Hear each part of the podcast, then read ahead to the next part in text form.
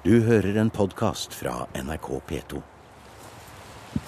Det er et stengjerde rundt her, og veldig typisk eh, engelsk her nå, her vi er i Yorkshire. Nå går vi gjennom hekken her. Her ser vi altså på et uh, steinkors som uh, er fra den perioden hvor uh, området her var bosatt av vikinger. Når vi står her og, og ser utover dette landskapet, så ser vi det reiser seg en litt høyere rygg borti Yorkshire nasjonalpark der, som vi står helt i kanten av. Og vi ser hvordan åsene bølger bortover her med eh, landbrukslandskapet. I dette området så vet vi at det ennå i dag befinner seg mange gamle kristne kors, høye, reiste kors ute i terrenget. Når kom de første av disse type korsene, tror du, Jan, som vi vet om? Ja, altså Rutfeldt-korset har, har man jo datert til eh, første halvdel av 700-tallet. Mm. Eh, historikerne har vel litt forskjellen 730 eh, er vel det, liksom, det årstallet som de fleste går, går for. Så det kan ha vært en skikk som kan ha vart da fra midt på 700-tallet kanskje, og frem til det vi står ved siden av her nå, og kanskje enda yngre, også helt frem til kanskje 1100-tallet? hvis, 1000-1100-tallet. altså, hvis, man, hvis, går, hvis man går til skriftlige kilder, Ja. så er det jo fristende å trekke frem eh, eh, noe som fortelles i eh, Vita om Cuthbert fra Lindesfarne. Det er jo et Vita som, eh, det Vita som eh, Beda eh, skrev. Det eldste Vita om, Kut, om Cuthbert det stammer fra Lindesvold kloster selv, altså fra en av munkene der. Så skrev, eh, så skrev Beda en, en, et Vita i verseform. Ja. Og så deretter skrev han et prosa, et prosa vita. Og i det vita forteller, forteller Beda om Kuttbert at han satte opp et kors på Farnøya, altså den lille øya som ligger utenfor Lindesfaren, og dit Cuthbert pleide å dra seg tilbake når han ville søke ensomheten. Han ville så å si praktisere eremittlivet. Da trakk seg tilbake dit. Eh, Vi har en tilsvarende kilde tidlig på 700-tallet om, om Willy Bjord, som var en av de misjonærene som dro fra England og til kontinentet. Og i hans vita fortelles det også om at den skikken å ha et kors på, gå, på en gård, det var vanlig blant angelsakserne. Og det er klart at da har vi, da har vi, to, vi har, da har vi to skriftlige kilder fra tidlig 700-tall som fremstiller dette, eller omtaler dette som slik var skikken. Så det, det, det vil jo gjøre at vi, vi er jo vi er tilbake til, til 600-tallet. Og det er jo da vil vel- veldig spennende. Jeg vil vel kanskje da tenke som så at klosteranlegg som, som Whitby og klosteranlegg som, eh, som Jarov og Monks Wearmouth, som, som ligger litt lenger nord. Eh, Altså eh, jeg, kan godt se for meg at det har vært miljøer hvor man, hadde, hvor man på en måte har, har begynt å gjøre dette.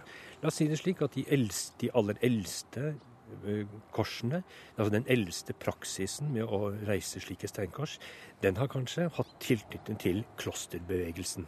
Men når vi så kommer opp på, på 900-tallet, hvor også da dette, denne delen av England har fått, fått en betydelig skandinavisk eh, innvandring, så ser det ut til at disse innvandrerne har tatt opp denne, denne skikken. Og preget det med sin måte å preget, ja, preget det med sin måte å, å, å tenke på. Slik som vi ser bak ja. her nå, med rankene Ja. som ja. Og så er det jo det, det som også er fascinerende med dette, her, det er jo dette, dette vi har dette, det underlige forholdet altså at vi, vi har jo ingen skriftlige kilder som forteller oss noe om hvordan disse skandinaviske innvandrerne gikk over til kristendommen.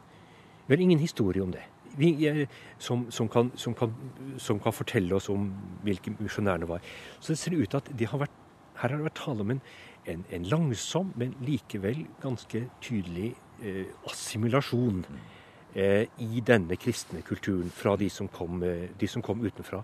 Og da blir jo da disse steinkorsene som vi ser i terrenget her, blir jo på en måte da de kildene vi har. En av de kildene vi har Absolutt. som forteller om denne, om denne overgangen.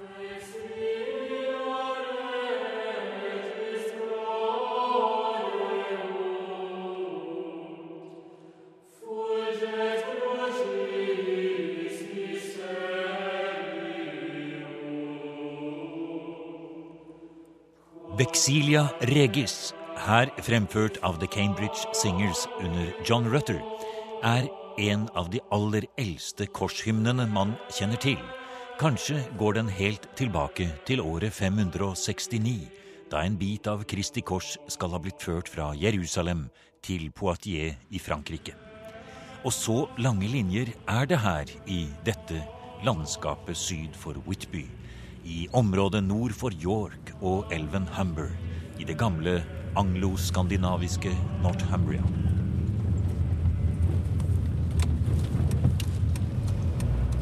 Sammen med kirkehistoriker og teolog Jan Schumacher fra Menighetsfakultetet i Oslo er vi på vei til Rootwell-korset, det aller eldste kristne kors på de britiske øyer.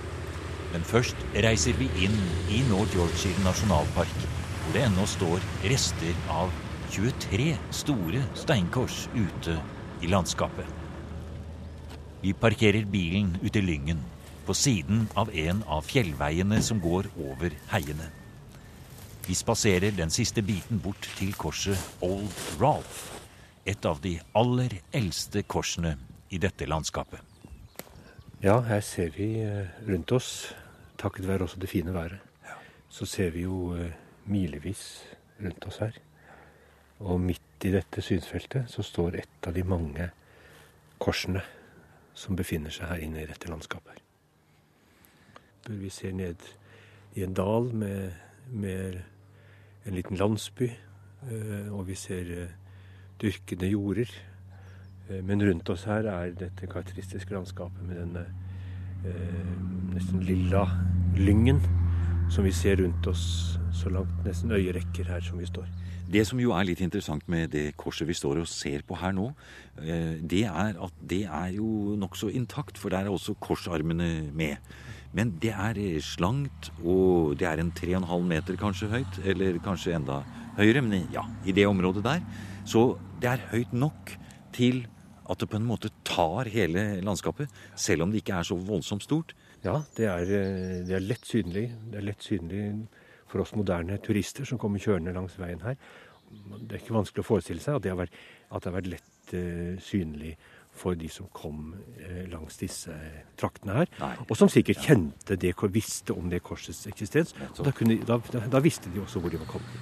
Det som gjør at vi har gått ut i Lyngen og gått litt rundt her, det er jo både for å komme litt bort fra veien, som altså går helt inntil, men det er ikke mer enn 15-20 meter bort til korset der. Det er også at vi så det var noe ute i Lyngen her. Og når vi går innover her, så ser vi her Se her, Jan. Her står det. Det er altså et, et, en slags liten kirkegård her. Ja. Nede imellom lyngen ja. så ligger det stener. Her står det Chris Redman 1937-2006. Ja. Litt lenger borte her så står det andre navn. In Loving Memory. Det står en blomstervase der. Det er et sted hvor man kan strø aske. Sannsynligvis. Ja. Sannsynligvis er det. Og du så noen mynter borte ved Ja, like ved korsfoten, på ene siden av korsfoten, så lå det, så lå det en eh, syv-åtte mynter.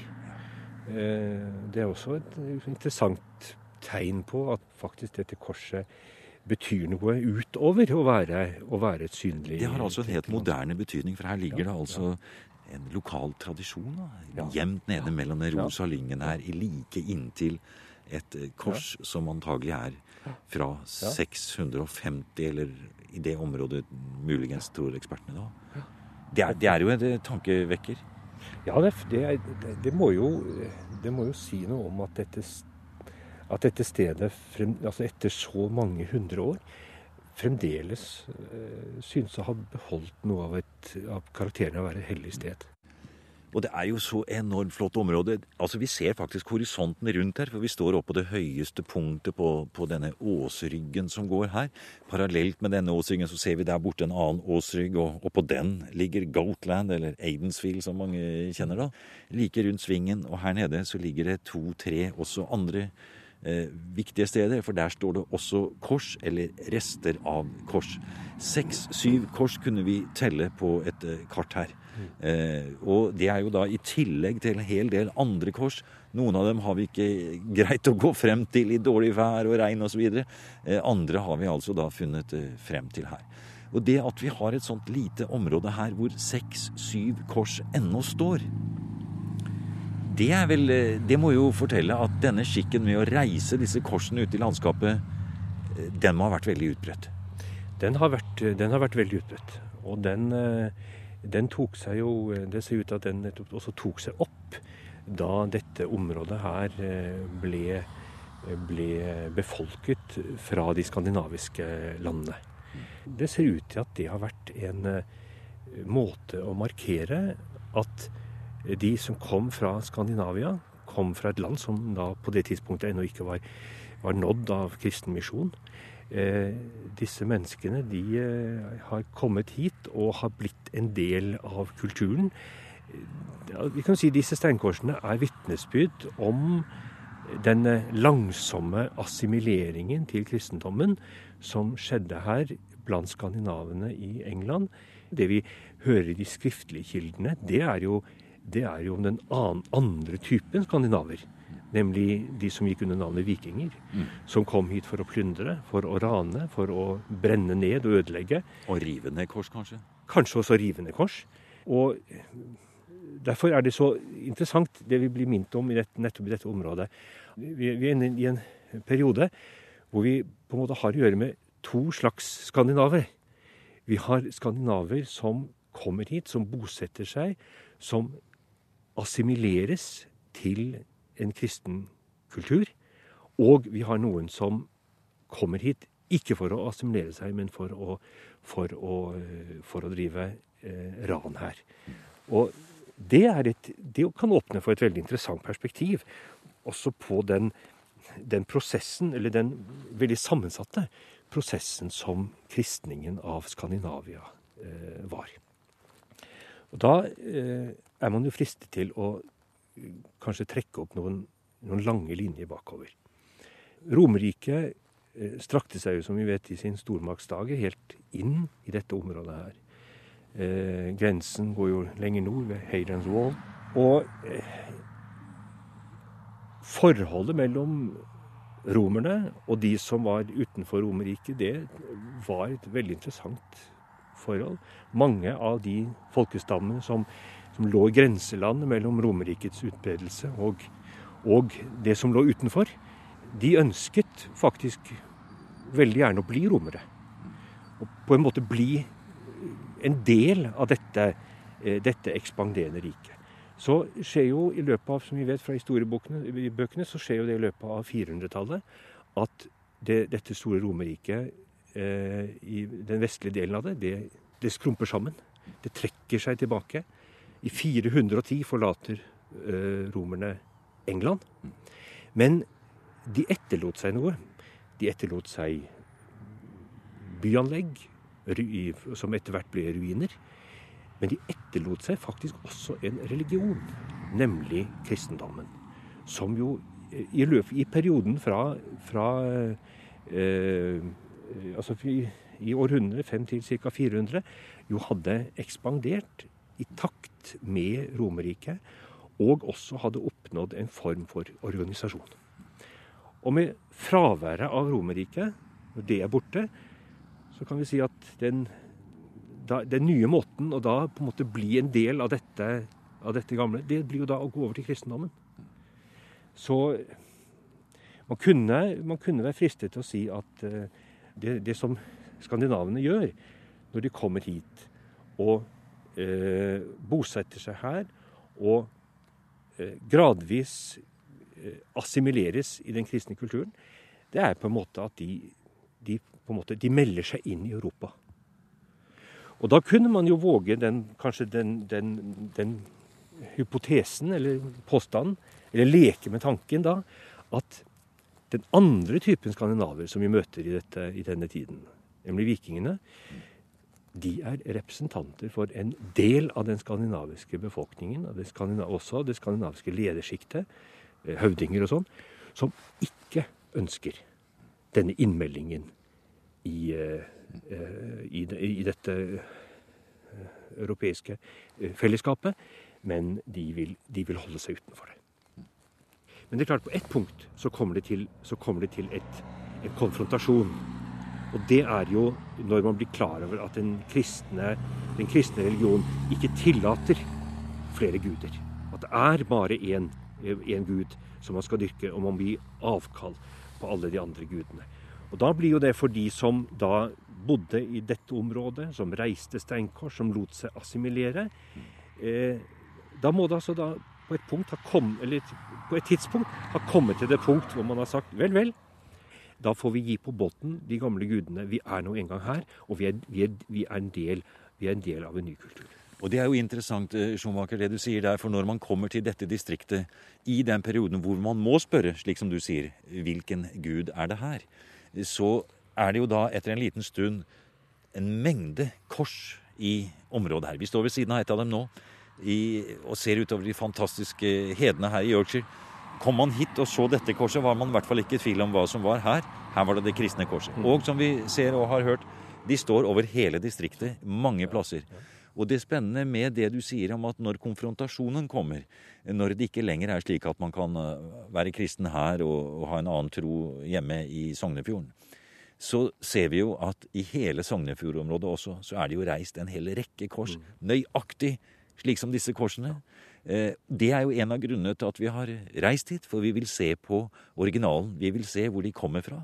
Vi vil se det landskapet, det området, den skikken ble skapt, og reise disse store korsene i landskapet. Og det gjør man jo altså da også ett sted på kysten av Vest-Norge, i Gulatingsområdet, i Sognefjordområdet, hvor korsene, noen av dem, står der ennå. Var det kanskje for å markere at uh, den delen av norskekysten hørte til tankemessig den samme måten å tenke på som her i Yorkshire, ja, som vi står nå. Det, det, det, det, er helt, det, er helt, det er helt enig i. Eh, at det er slik vi må tenke om, de, om de steinkorsene som står ute i det norske lendet. At de har, eh, de har en lignende funksjon. De forteller at dette landområdet tilhører en annen. Nå skal det jo også sies at det, er en annen ting som, er, som jo på en måte er litt parallelt her, og det er jo det forholdet eh, som vi har vært inne på, at det er, altså, det er et bestemt område av Norge Nettopp. hvor vi finner disse steinkorsene. Og sånn og er det jo her i England også. Ja, ikke sant. Ja. Det er et bestemt område av England. Ja. Eh, det er her oppe i, i nord, i det, som, det, området som ligger nord for elven Humber, altså North Humber, ja. Eh, det er det området hvor vi finner disse korsene. Går vi lenger syd, så, så, så er ikke dette Er det andre skikker? Det er i hvert fall ikke høye kors i landskapet. Nei. Nei. Og når vi nå har snakket så mye om kors, Schumacher, eh, var det så selvfølgelig at korset skulle bli det kristne symbolet. Eh, når ble det det? Eh, det er jo, eh, det er jo noe som for alvor setter seg i, i den perioden hvor avgjørende, et av de avgjørende vendepunktene i historien skjer. Og det, altså det vendepunktet skjer jo i Romerriket og i middelhavslandene. Eh, nemlig hvor altså keiser Konstantin går over til kristendommen. Eh, for til eh, historien om Konstantin så har jeg knyttet dette, dette merkelige, den merkelige legenden om dette tegnet som han skal ha sett, og som han fikk høre, og at dette, ved dette tegnet skulle han seire. Nå er det jo forskjellige oppfatninger om hva det tegnet var. Men det interessante er jo at når vi ser på de notumbriske kildene, der er jo særlig er jo særlig B, da, som er vår hovedkilde, han er jo ikke i tvil om hva slags tegn det var Konstantin seiret under. Det var korstegnet. Mm.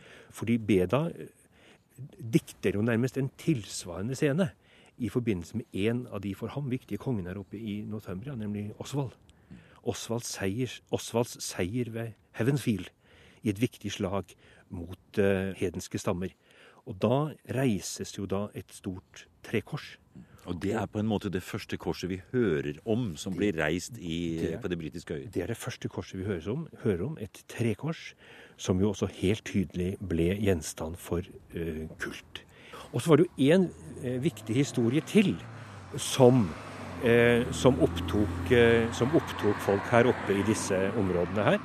Og det var nemlig den historien som gikk ut på hvordan Konstantins mor, Helena, eh, hvordan hun reiser til Jerusalem. Og i Jerusalem så finner hun Det hellige korset. Det ble jo grunnlaget for en viktig kirkelig fest, nemlig korsmessen 14. september. Og den er, den er tidlig belagt i de engelske kildene. Og historien om Helena den finner vi i et, et stort angelsaksisk dikt, altså på, på folkspråk faktisk, på angelsaksisk. Et stort angelsaksisk dikt som heter Helena, og som er kjent fra en av de Vi har jo flere slike store manuskripter som inneholder eh, angelsaksisk poesi fra siste halvdel av 900-tallet. Et av de store diktene er jo 'Drømmen om korset', eh, som jo faktisk inneholder noen linjer som også står med runer på Rutfeldkorset, som vi skal se senere i dag.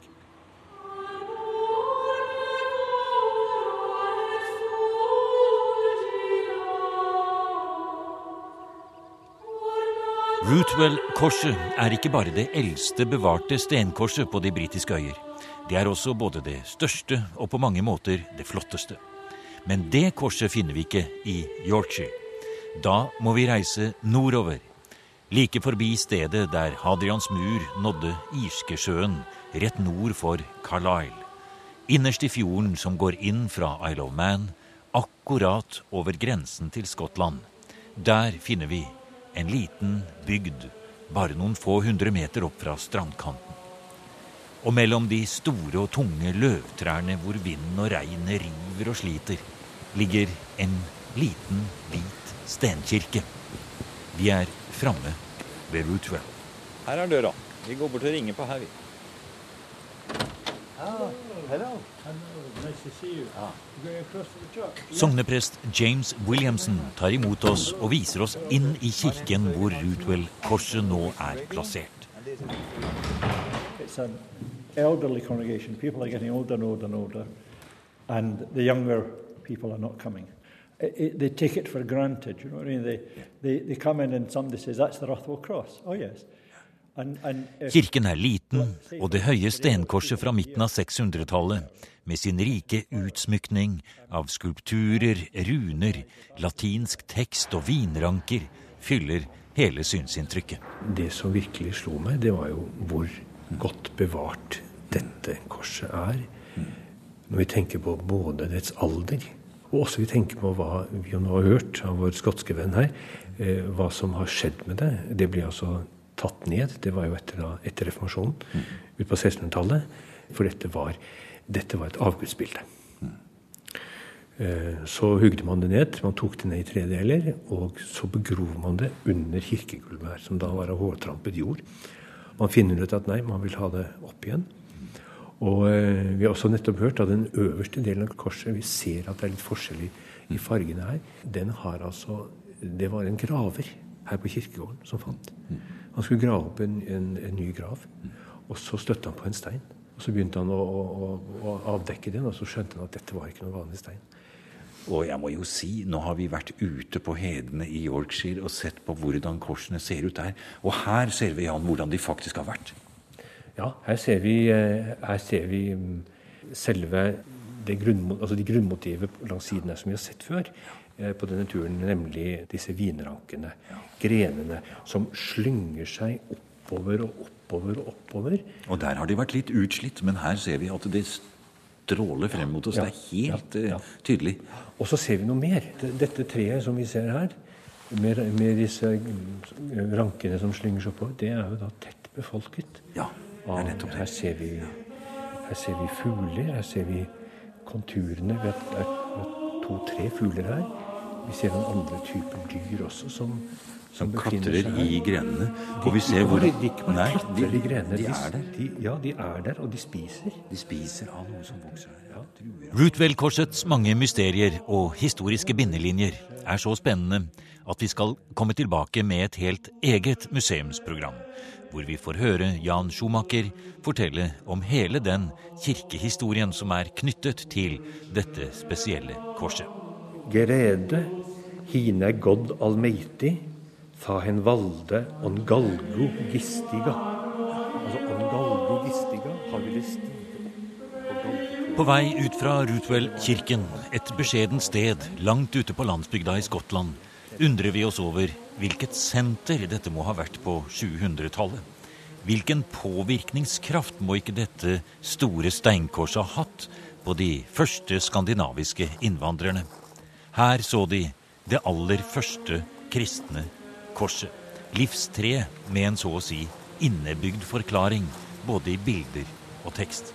Man kunne nesten si men fristes å si at det er en slags aksis mundi, en slags verdensakse, som vi nå har vært og sett på. Det er, er, på måte, det er stigen mellom himmel og jord som vi har sett. Og det er klart Så vi, kommer vi ut her, og så ser vi disse store, stolte trærne, og det suser i dem. Og, og vi tenker på eh, fortellinger som eh, disse skandinavene kjente til, om verdens verdenstreet. Og Yggdrasils ask, ikke sant? Og her er det her er liksom, det blir spennende hvor liksom på en måte forestillinger begynner å flyte litt sammen.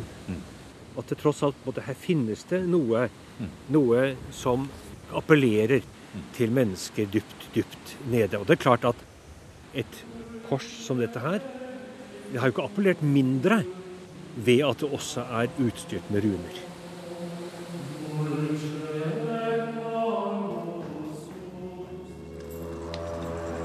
Du har nå hørt programmet Museum fra NRK P2 i en versjon uten musikk. Museum sendes hver lørdag klokken 16 og på søndag morgen klokken 8 i P2. Adressen er museum.krøllalfa.nrk.no, og museum er nå også på Facebook.